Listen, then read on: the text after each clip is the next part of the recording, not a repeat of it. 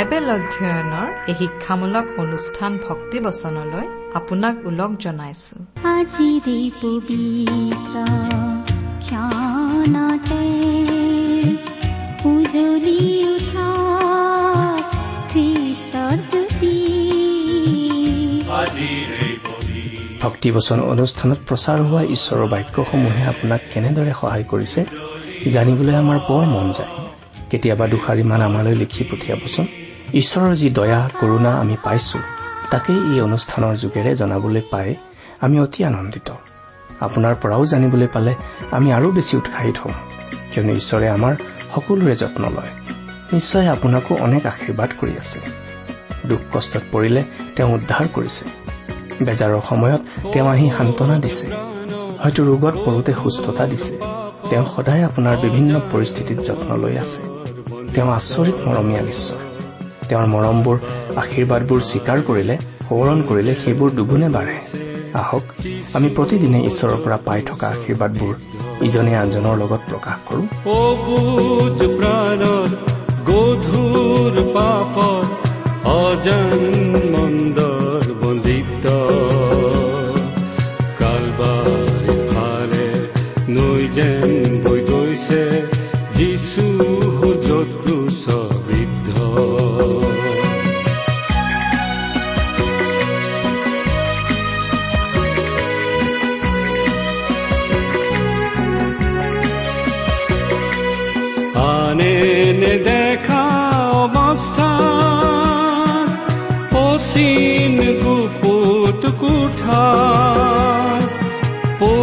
পৰিচয় জানো পৰিষ্কাৰ আনে নেদেখা অৱস্থা অচিন গুপুত কোঠা পৰিচয় জানো পৰিষ্কাৰ স্বৰূপ লুকুৱা মুখা পিন্ধোৱা নাটকৰ ভদ্ৰ চৰিত্ৰ খনায়ক সকলো নগ্ন যিচু হ'ল যত্ৰু বৃদ্ধ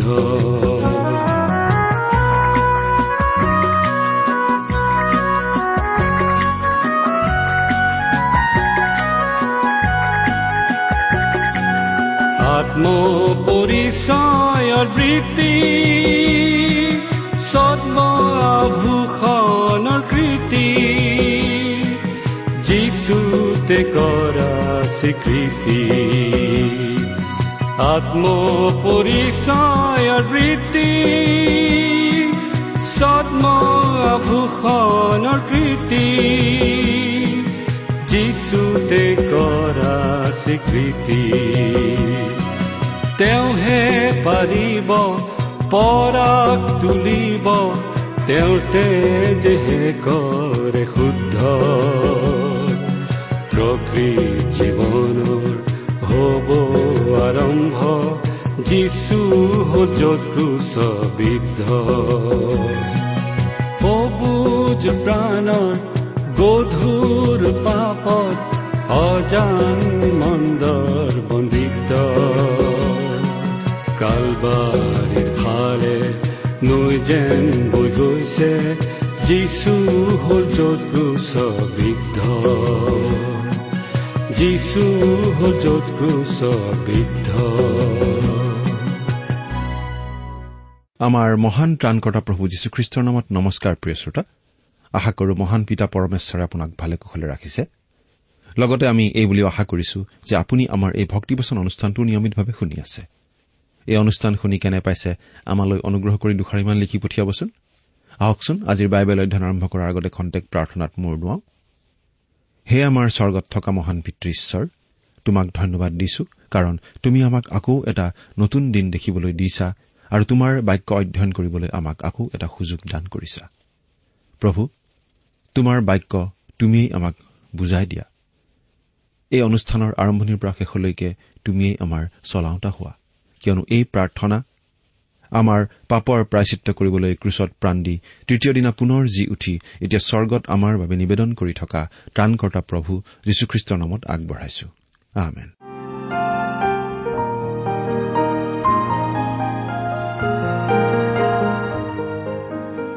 প্ৰিয় শ্ৰোতা আমি আজি কিছুদিনৰ পৰা বাইবেলৰ পুৰণি নিয়ম খণ্ডৰ উপদেশক নামৰ পুস্তকখনৰ অধ্যয়ন চলাই আছো। এই কথা আপোনাৰ নিশ্চয় মনত আছে? যদিহে আপুনি আমাৰ এই ভক্তিবচন অনুষ্ঠানটো নিয়মিতভাৱে শুনি আছে। যোৱা অনুষ্ঠানত আমি এই উপদেশক পুস্তকখনৰ তিনি নম্বৰ অধ্যায়ৰ আলোচনা আগবঢ়াইছিলো। এই উপদেশক পুস্তকখন লিখিছিল ৰজা চলোমনে। চলোমন ৰজাই জীৱনত সুখ শান্তি বিচাৰি নানান উপায় নানান দৰ্শন অৱলম্বন কৰি চাইছিল। সেই সকলোবোৰ উপায় অৱলম্বন কৰি তেওঁ কি সিদ্ধান্তত উপনীত হৈছিল সেইবোৰ কথাকেই তেওঁ এই উপদেশক পুস্তকত লিখিছে। আৰু সদৌ শেষত সেই সকলোবোৰ পৰীক্ষা নিৰীক্ষাৰ পাছত তেওঁ যিটো আচল সিদ্ধান্তত উপনীত হৈছিল সেই সিদ্ধান্তৰ কথাও তেওঁ এই পুস্তকখনত লিখিছে। আমি এতিয়া যিবোৰ কথা আলোচনা কৰি আছো তাত ৰজা চলোমনে কেনেধৰণে বিভিন্ন উপায়েৰে নিজৰ আত্মাক সন্তুষ্ট কৰিবলৈ চেষ্টা চলাইছিল। ঈশ্বৰৰ কথা নভবাকৈ ঈশ্বৰক পিঠি দি সেই সকলো কথা আলোচনা কৰি আছো। আজি আমি উপদেশক পুস্তকখনৰ চাৰি নম্বৰ অধ্যায়টোৰ আলোচনা হাতত ল'ব খুজিছো। আমি ইতিমধ্যে পাই আহিছো যে চলোমন ৰজাই জীৱনটো বিভিন্ন ধৰণে যি চাইছিল। তেওঁ যিহেতু অতি শক্তিশালী আৰু ধনী ৰজা আছিল তেওঁৰ একোৰেই অভাৱ নাছিল। অনেক পত্নী তেওঁৰ আছিল অনেক ঘোঁৰা আছিল বিশাল অট্টালিকা আছিল।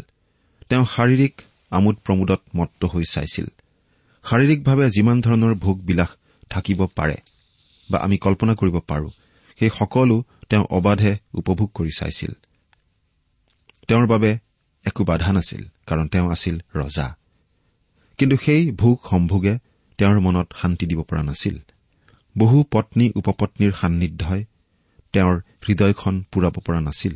তেওঁ কৈছিল সকলো অসাৰ একো নতুনত্ব নাই। তেওঁ বস্তুবাদী ভাৱধাৰাৰে জীৱন কটায়ো চাইছিল। যি লাগে তাকেই আহৰণ কৰিছিল। কিন্তু উপচি পৰা বয় বস্তু আদিয়েও তেওঁক সন্তুষ্টি দিব পৰা নাছিল। তেওঁ ভাগ্যক ধিয়াই জীয়াই থকা মানুহৰ নিচিনাকৈ জীৱন ধাৰণ কৰিও চাইছিল। কিন্তু সেইদৰেও তেওঁ সন্তুষ্ট হ'ব পৰা নাছিল। তেওঁ এনেদৰে নানান উপায়েৰে হৃদয়ক শান্ত কৰিব খুজিছিল। কিন্তু পৰা নাছিল। তেওঁ কবলৈ বাধ্য হৈছিল অসাৰ অসাৰ সকলো অসাৰ। এতিয়া আমি চাৰি নম্বৰ অধ্যায়টোলৈ আহিছো আৰু ইয়াত তেওঁ দাম্ভিক আৰু অহংকাৰী হৈ হৃদয়ক সন্তুষ্ট কৰিবলৈ চেষ্টা কৰা আমি দেখা পাম। এই বিষয়ে প্ৰথম পদটি পাঠ কৰি দিছো শুনিবচোন। পাছে মই ঘূৰি সূৰ্যৰ তলত যি সকলো অত্যাচাৰ কৰা যায় সেই সকলো চালো। চোৱা অত্যাচাৰ পোৱা লোকবিলাকৰ চকুলো বৈছে। কিন্তু তেওঁবিলাকক সান্তনা কৰোতা কোনো নাই। আৰু তেওঁবিলাকক অত্যাচাৰ কৰোতাবিলাকৰ ফালে বল আছে।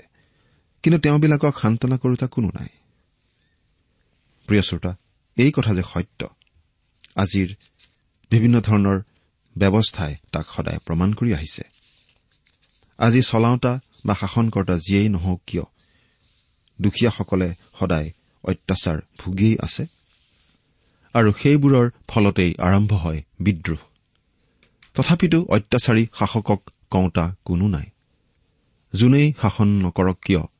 দুখীয়া লোকসকলে সদায় দুখ লগা অৱস্থাতেই থাকিব লগা হয়। এই কথাও চলোমনে বুজি পাইছিল। এই হেতুকে বৰ্তমানে জীয়াই থকা জীৱিতবিলাকতকৈ আগেয়ে মৰা মৃতবিলাকৰ মই প্ৰশংসা কৰিলো। আপুনি হয়তো নিশ্চয় শুনিছে যে কিছুমান মানুহে কয় এনেকৈ থকাতকৈ মই মৰাই ভাল আছিল। আৰু কিছুমানে কয় মোৰ যদি বহুত ধন থাকিলহেঁতেন বা মই যদি আমোক হলোহেঁতেন তাৰমানে কি? এইদৰে কোৱাজন নিজৰ বৰ্তমান অৱস্থাৰ বিদ্ৰোহী বৰ্তমানক লৈ সন্তুষ্ট নহয় বা প্ৰচলিত ব্যৱস্থাৰ বিদ্ৰোহ কৰিবলৈ কিছুমান লোকে বিচাৰে। এনে কি জনে আজিলৈকে জন্ম পোৱা নাই আৰু সূৰ্যৰ তলত থকা বেয়া কাৰ্য দেখা নাই। তাক মই সেই উভয়তকৈ সুখী জ্ঞান কৰিলো। এইটো সঁচা। ভৱিষ্যতে যি দিন আহিব লাগিছে তাক দেখাতকৈ জন্ম নোলোৱাই ভাল বুলি ক'ব পাৰি। ভৱিষ্যতৰ দিনবোৰ ভাল হ'ব বুলি আশা কৰা বৃথা। এই বুলি চলোমনে বুজাইছে। মানুহৰ অৱস্থা দিনে দিনে অধিক বেয়া হৈ যাব বুলি তেওঁ মত দিছে।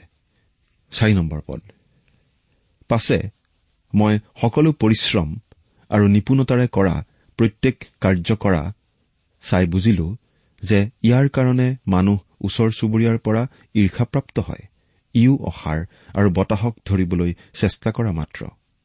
সকলো দেখি শুনি কিছুমান মানুহে প্ৰচলিত ব্যৱস্থাৰ বিৰুদ্ধে বিদ্ৰোহ কৰি সকলো সলনি কৰিবলৈ চেষ্টা কৰে। অন্যায়ৰ বিৰুদ্ধে বিদ্ৰোহ কৰাটো বাৰু ভাল কথা। কিন্তু ভাল কাম কৰিলেও যদি আনে ঈৰ্ষা আৰু হিংসা কৰে তেতিয়ানো কি উপায় আছে? আৰু ভাল কাম কৰা মানুহক মানুহে হিংসা নকৰাও নহয়। ভাল কাম কৰি সমাজখন সলনি কৰিবলৈ চেষ্টা কৰিও মানুহৰ পৰা গৰিহণা পোৱা লোকৰ কথাটো চিন্তা কৰি চাওকচোন। তেওঁলোকে নিশ্চয় কয় এইবোৰ কৰি একো লাভ নাই। অসাৰ অসাৰ সকলো অসাৰ। পদ। অজ্ঞান মানুহে হাত সাৱটি থাকি নিজকে খায়। যিয়ে নিজে খাবৰ বাবে আৰু সুৰক্ষাৰ বাবে একো নকৰে তেনে মানুহক অজ্ঞান বুলি কোৱা হৈছে। আজিকালি অৱশ্যে একো নকৰাকৈ সকলো পাবলৈ ইচ্ছা কৰা মানুহ বহুত আছে। মানুহে নিজৰ কাৰণে কাম কৰিব নিবিচাৰে। সমাজখন আজিকালি তেনেকুৱাই হৈছে। সকলো বস্তু সকলো সুবিধা আনৰ পৰা মানুহে যিকোনো প্ৰকাৰে আদায় কৰি ল'ব বিচাৰে। নিজে কিন্তু একো কৰিব নিবিচাৰে। এতিয়া ছয় নম্বৰ পদটো পঢ়ি দিছো। পৰিশ্ৰম আৰু বতাহক ধৰিবলৈ কৰা চেষ্টাৰে সৈতে দুই মুঠিতকৈ শান্তিৰে সৈতে এমুঠিয়েই ভাল। নিশ্চয় এইটো এটা মন কৰিবলগীয়া কথা। এনেধৰণৰ মানুহে নিজৰ কাম কৰিব বিচাৰে। মন আৰু বিবেকত দোষ দি আৰ্জন কৰা বস্তুতকৈ এনেদৰে কষ্ট কৰি নিজৰ বস্তু আৰ্জন কৰাটো নিশ্চয় ভাল কথা। সেই বিষয়ে নিশ্চয় সন্দেহ নাই। পাছে মই ঘূৰি সূৰ্যৰ তলত অসাৰতা দেখিলো। কিন্তু আমি যি ধৰণেৰে আগ নাবাঢ়ো কিয়? দুয়ো ক্ষেত্ৰতেই ভুল হয়। কোনো উপায় নাই বুলি ক'ব পাৰি। এইটো হতাশাৰ অতি দুখ লগা অৱস্থা নহয়নে বাৰু? এই কথাত আমি একো আচৰিত হবলগীয়া নাই যে যিবোৰ জনসমাজত নিজৰ ওপৰত বিশ্বাস ৰখা লোকৰ সংখ্যা বেছি নিজৰ শক্তি সামৰ্থত ভৰসা ৰখা লোকৰ সংখ্যা বেছি সেইবোৰ ঠাইতেই আত্মহত্যা কৰা মানুহৰ সংখ্যাও বেছি। এই পুৰণি ঘাঁহটো নানা ধৰণৰ দুৰ্নীতিৰ যোগেদি সমাজত আত্মপ্ৰকাশ কৰে। আচলতে এই সকলোবোৰৰ অন্তৰালত সেই হতাশাৰ দৰ্শন আছে যি দৰ্শনে শিকায় যে সকলো অসাৰ একোৰ পৰাই লাভ নাই সকলো মিছা। কোনো মানুহ অকলশৰে থাকে তাৰ দ্বিতীয় কোনো নাই। এনে কি তাৰ পুতেক কি ভায়েক ককায়েক কোনো নাই? তথাপি তাৰ পৰিশ্ৰমৰ সীমা নাই আৰু তাৰ চকু ধন সম্পত্তিত তৃপ্ত নহয়। সি কয় তেন্তে মই কাৰ নিমিত্তে পৰিশ্ৰম কৰিছো আৰু নিজ প্ৰাণক সুখ ভোগৰ পৰা বঞ্চিত কৰিছো? ইও অসাৰ এনে কি অতি দুখজনক ব্যৱসায়? কি যে দুখ লগা হতাশা ভৰা কথা? ইয়াত এই ধাৰণাটো দিয়া হৈছে যে আমি যদি আনৰ বাবে কাম কৰো আৰু আনক সহায় কৰো তাৰ পৰাও আচলতে একো লাভ নাই। সেয়া সময়ৰ অপচয় মাথোন। অৱশ্যে এইটো খ্ৰীষ্টীয় বিশ্বাসীসকলৰ দৰ্শন নহয়। সমাজত চলি থকা এটা দৰ্শনৰ কথাহে ইয়াত উল্লেখ কৰা হৈছে। এনে মানুহবিলাকে কয় মই কাৰ নিমিত্তে পৰিশ্ৰম কৰিছো? আৰু নিজ প্ৰাণক সুখ ভোগৰ পৰা বঞ্চিত কৰিছো? অৰ্থাৎ এই কথা কোৱা হৈছে যে নিজে কৰি খালেও শান্তি নাই আনৰ বাবে কষ্ট কৰি আনৰ বাবে ৰাখি থৈ গলেও শান্তি নাই। ন নম্বৰ পদ। এজনতকৈ দুজন ভাল কিয়নো তেওঁবিলাকৰ পৰিশ্ৰমৰ দ্বাৰাই সুফল হয়। এতিয়া ৰজা চলোমনে আনৰ সৈতে লগ লাগি কাম কৰাৰ সপক্ষে যুক্তি দাঙি ধৰিব কিন্তু সেইবোৰো স্বাৰ্থপৰ যুক্তি। এই কথা আমি নিঃসন্দেহে ক'ব পাৰোঁ। তেওঁ কৈছে যে এজনতকৈ দুজন নিশ্চয় ভাল কাৰণ তেনেদৰে কামো সফল হোৱাটো সহজ হয়। অকলে কৰাতকৈ দুজন লগ হৈ কাম কৰিলে নিজলৈ বুলি বেছি আৰ্জন কৰিব পাৰি। কাৰণ তেওঁবিলাক পৰিলে এজনে নিজৰ সংগীক তুলিব পাৰে। কিন্তু যিজন অকলশৰীয়া সি পৰিলে তাৰ সন্তাপ হ'ব কিয়নো তাক তুলিবলৈ দ্বিতীয়জন নাই। চলোমনে এই কথা বুজি পাইছিল যে নিজৰ বাবেই জীয়াই থাকিব খুজিলেও আমি সকলো কাম অকলেই কৰিব নোৱাৰো। আমাক কাৰোবাৰ সহায়ৰ প্ৰয়োজন হয়। যিজন পতিত হওঁতে অকলশৰীয়া তেওঁৰ অৱস্থা নিশ্চয় অতি দুখ লগা সেইকাৰণেই কোনো দূৰ ঠাইলৈ ফুৰিবলৈ গলেও অকলে যোৱা ভাল নহয় বুলি মানুহে আমাক উপদেশ দিয়ে। বাটত কিবা কাৰণত কিবা দুৰ্ঘটনা ঘটিলে কাৰোবাৰ পৰা সহায় আমাক নিশ্চয় লাগিব। চাকৰি বাকৰিৰ পৰা অৱসৰ গ্ৰহণ কৰাৰ পাছত অকলে জীৱন কটাব লগা হোৱা মানুহৰ সমস্যা অনেক। তেওঁলোক পিছল খাই পৰি কঁকালৰ হাড় ভাঙিলে অকলে উঠি আনকি টেলিফোনটোৰ ওচৰলৈও যাব নোৱাৰিব। কেতিয়াবা দুই তিনিদিনৰ পাছতহে ওচৰ চুবুৰীয়াই তেওঁলোকৰ খবৰ পায়। গতিকে দুজন একেলগে যোৱা ভাল দুজন একেলগে থকা ভাল। এজন পৰিলে আনজনে সহায় কৰিব পাৰে। এঘাৰ নম্বৰ পদ। আকৌ দুজনে একেলগে শুলে উম পায়। কিন্তু এজনে অকলেই কেনেকৈ উম পাব? আকৌ এজন সংগীয়ে আনজনৰ শৰীৰত উম দিব পাৰে। সেইটো কেতিয়াবা প্ৰয়োজনীয় কথা হৈ পৰিব পাৰে। এজন বিখ্যাত বাইবেল শিক্ষকে এই বিষয়ে এনেদৰে কৈছিল। মই যেতিয়া সৰু ল'ৰা আছিলো মই সদায় মোৰ দেউতাৰ লগত শুবলৈ ভাল পাইছিলো বিশেষকৈ জাৰ কালি। আমাৰ ঘৰত গৰম কৰাৰ কোনো ব্যৱস্থা নাছিল কোনো হিটাৰ নাছিল গতিকে মই দেউতাৰ বুকুৰ মাজত কোচমোচ খাই শুইছিলো আৰু যথেষ্ট উম পাইছিলো। আৰু যি অকলশৰীয়া তাক যদিও কোনোৱে পৰাজয় কৰে তথাপি দুজনে তাৰ প্ৰতিৰোধ কৰিব আৰু তিনিগুণীয়া ৰছী বেগাই নিচিগে দুজন হলে সংগী হয় কিন্তু তিনিজন হলে জনসমুদ্ৰ হয় বুলি কোৱা হয়। কেতিয়াবা জনসমুদ্ৰ হলে ভাল। যেতিয়া কোনোবা আমাৰ বিৰুদ্ধে আহে তেতিয়া আমাৰ সংগী বহুত থাকিলে নিশ্চয় ভাল। আজিকালি আমাৰ বাটে ঘাটে নানা ধৰণৰ কুকাৰ্যবোৰ চলি থাকে। সমাজ বিৰোধী লোকে চাৰিওফালে অটপালি চলাই থাকে। সাধাৰণতে অকলশৰীয়া মানুহবিলাকেই এনে সমাজ বিৰোধী লোকৰ চিকাৰ হয়। আমি পঢ়িবলৈ পাইছো যে এখন পশ্চিমীয়া দেশৰ এখন বিখ্যাত মহানগৰত কোনো মহিলাকেই অকলে ৰাজহুৱা জিৰণি ঘৰত থাকিবলৈ দিয়া নহয়। তেওঁৰ কোনোবা সংগী থাকিবই লাগিব। আমাৰ সমাজখনৰ এনেকুৱা নিৰাপত্তাহীন অৱস্থা হোৱাটো নিশ্চয় অতি দুখ লগা কথা। গোটেই পৃথিৱীতে আইন শৃংখলাৰ যে অৱনতি ঘটিছে সেই কথাটো নিশ্চয় আমি মানি ল'ম। সভ্যতাৰ শিখৰত আৰোহণ কৰাৰ পাছতো মানুহৰ পাপ স্বভাৱটো কিন্তু একেই আছে। মানুহক আচলতে আজি ব্যক্তি স্বাধীনতাতকৈ বেছি নিয়ন্ত্ৰণৰহে প্ৰয়োজন হৈ পৰিছে। নহয়নে বাৰু? আত্মকেন্দ্ৰিক মানুহে এই জীৱনত কেতিয়াও সন্তুষ্টি বিচাৰি নাপায়। তেওঁলোকে নিজৰ বাবে চিন্তা কৰি কেৱল নিজৰ বাবে জীয়াই থাকি জীৱনত কেতিয়াও সুখ শান্তি বিচাৰি নাপায়। অকলে কোনো কাম কৰি আমাৰ অলপ সময়ৰ বাবে হয়তো ভাল লাগিব পাৰে। অকলে থাকিবলৈ হয়তো আমাৰ কেতিয়াবা অলপ সময়ৰ বাবে মনত তেনেকুৱা হাবিয়াস থাকিব পাৰে। আমাৰ চাৰিওফালে থকা হুলস্থুল পৰিৱেশৰ পৰা আঁতৰি অকলে অলপ সময় কটাবলৈ আমাৰ নিশ্চয় সকলোৰে মন যায়।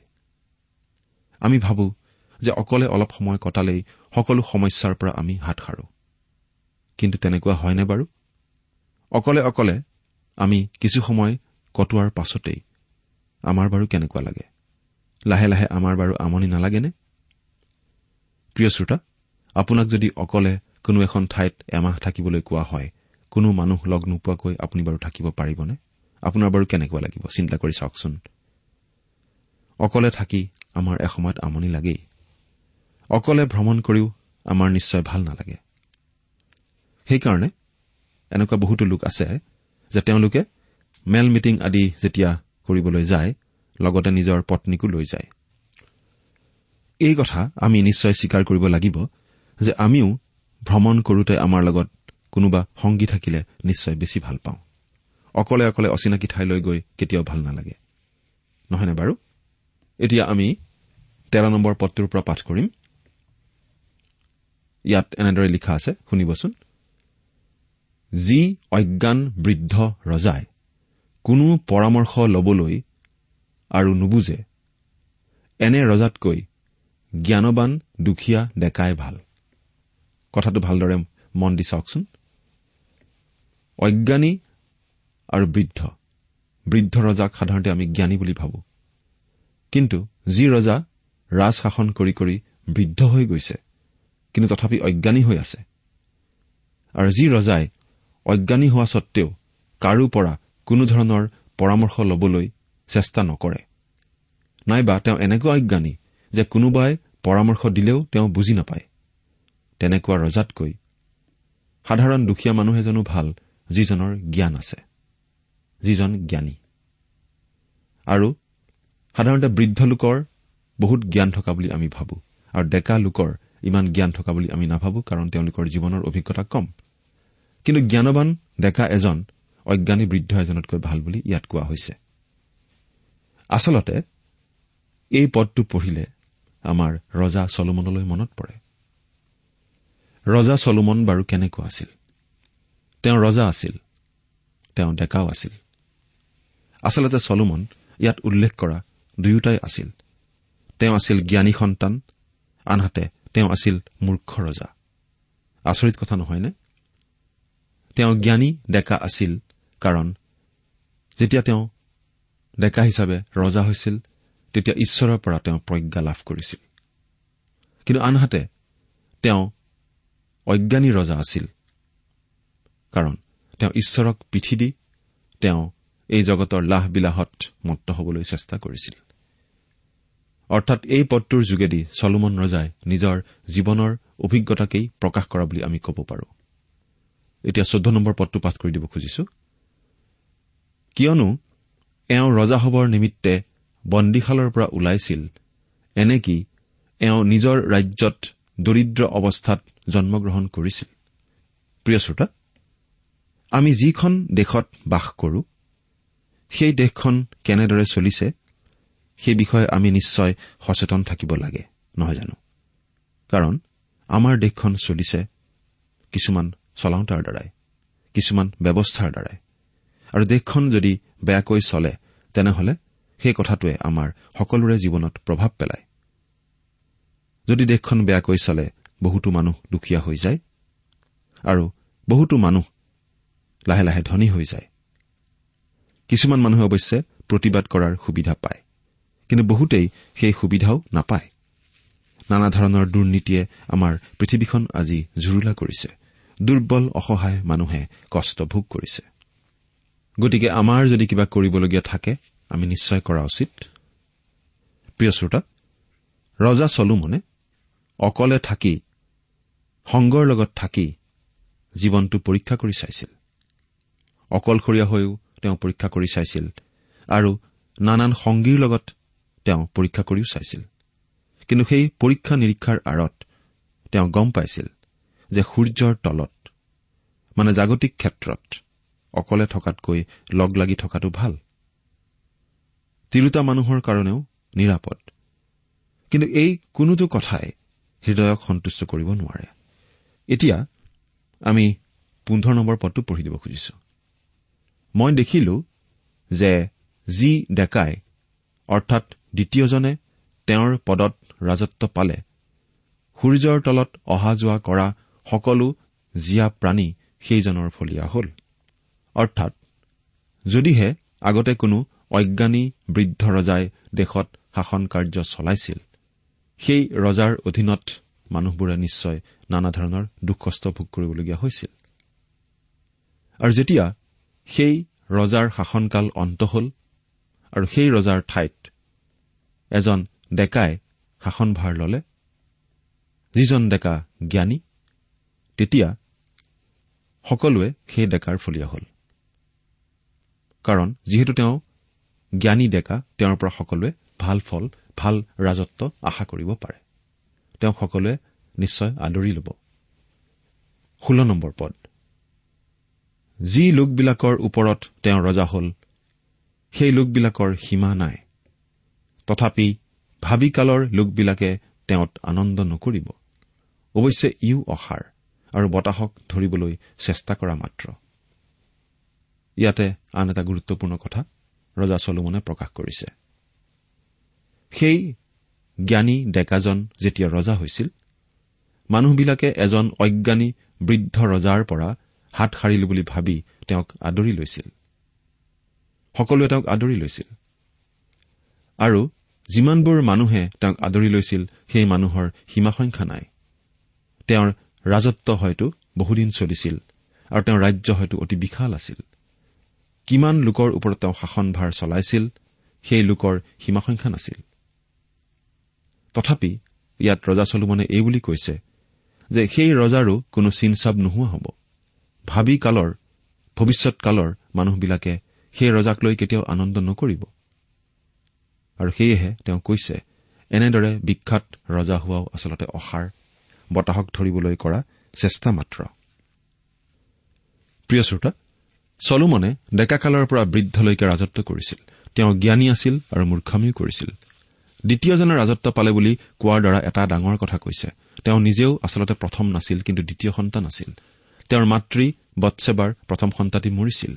ঠিক একেদৰে ইছহাকো প্ৰথম সন্তান নাছিল। আৰু জাকুবো দ্বিতীয় সন্তানহে আছিল যাক ঈশ্বৰে তেওঁৰ কাৰ্যৰ কাৰণে মনোনীত কৰিছিল। ঠিক একেদৰে আজি আপুনিও যদি নিজকে দ্বিতীয় শ্ৰেণীৰ লোক বুলি ভাবে তেন্তে ভাল কথা। কাৰণ ঈশ্বৰৰ দৃষ্টিত আপুনি প্ৰথম শ্ৰেণী। প্ৰিয় শ্ৰোতা সূৰ্যৰ তলত পৃথিৱীত ঈশ্বৰক বাদ দি আপুনি যিয়েই নহওক বা যিয়েই নকৰক কিয় সকলো অসাৰ একোৱেই হৃদয়ক সন্তুষ্ট কৰিব নোৱাৰে। একমাত্ৰ আমাৰ শান্তিদাতা প্ৰভু যীশুখ্ৰীষ্টইহে আমাক শান্তি দিব পাৰে। আমাৰ হৃদয় সন্তুষ্ট কৰিব পাৰে। তেওঁক আপুনি শান্তিদাতা বুলি বিশ্বাস কৰেনে? আজি আমি এই উপদেশক পুস্তকখনৰ চাৰি নম্বৰ অধ্যায়ৰ আলোচনা চলালো। কিন্তু আমাৰ পৰৱৰ্তী অনুষ্ঠানত আপোনাক পুনৰ লগ পাবলৈ আশা কৰিলো। আজিলৈ ইমানতেই সামৰিছো। ঈশ্বৰ আপোনাৰ সহায় হওক। আহমেন ইমান পৰে আপুনি ঈশ্বৰৰ বাক্যৰ পৰা শিক্ষা শুনিলে এই বিষয়ে আপোনাৰ মতামত জানিবলৈ পালে আমি নথৈ আনন্দিত হ'ম। আমি প্ৰস্তুত কৰা বাইবেল অধ্যয়নৰ চিডিসমূহ পাব বিচাৰিলে আৰু অনুষ্ঠানত প্ৰচাৰ কৰা কোনো কথা বুজিব লগা থাকিলেও আমালৈ লিখক আমাৰ যোগাযোগৰ ঠিকনা ভক্তিবচন ট্ৰান্সৱৰ্ল্ড ৰেডিঅ' ইণ্ডিয়া ডাক বাকচ নম্বৰ সাত শূন্য গুৱাহাটী সাত আঠ এক শূন্য শূন্য এক।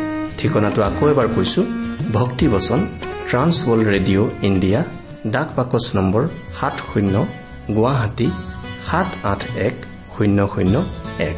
আমাৰ ইমেইল এড্ৰেছটো হৈছে Assamese T TV at the rate radio' eight eight two dot com আমাৰ website W W W dot T W R dot in হৃদয় কিয় তুমি ইমান শুকৰাটো দিহহাৰা তুমি আজি ৰখিয়ানোৱাৰ দৰে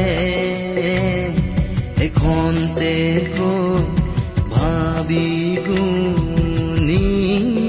আপুনি টেলিফোনৰ মাধ্যমেৰেও আমাক যোগাযোগ কৰিব পাৰে আমাৰ টেলিফোন নম্বৰটো হৈছে nine eight five four zero' four zero' eight eight nine phone নম্বৰটো আকৌ এবাৰ কৈছো ন আঠ পাঁচ চাৰি শূন্য চাৰি শূন্য আঠ আঠ ন। আপুনি এই ভক্তিবচন অনুষ্ঠানটি আমাৰ website W W W dot radio' eight eight two dot কমতো শুনিব পাৰিব। আজিৰ অনুষ্ঠানটি ইমানতেই সামৰিছো। ঈশ্বৰৰ শান্তি আৰু অনুগ্ৰহ আপোনাৰ লগত থাকক। ধন্যবাদ। হৃদয় কিয় তুমি ইমান দিহহাৰা তুমি আজি ৰখিয়ানোৱাৰ দৰে এখন তেকৈ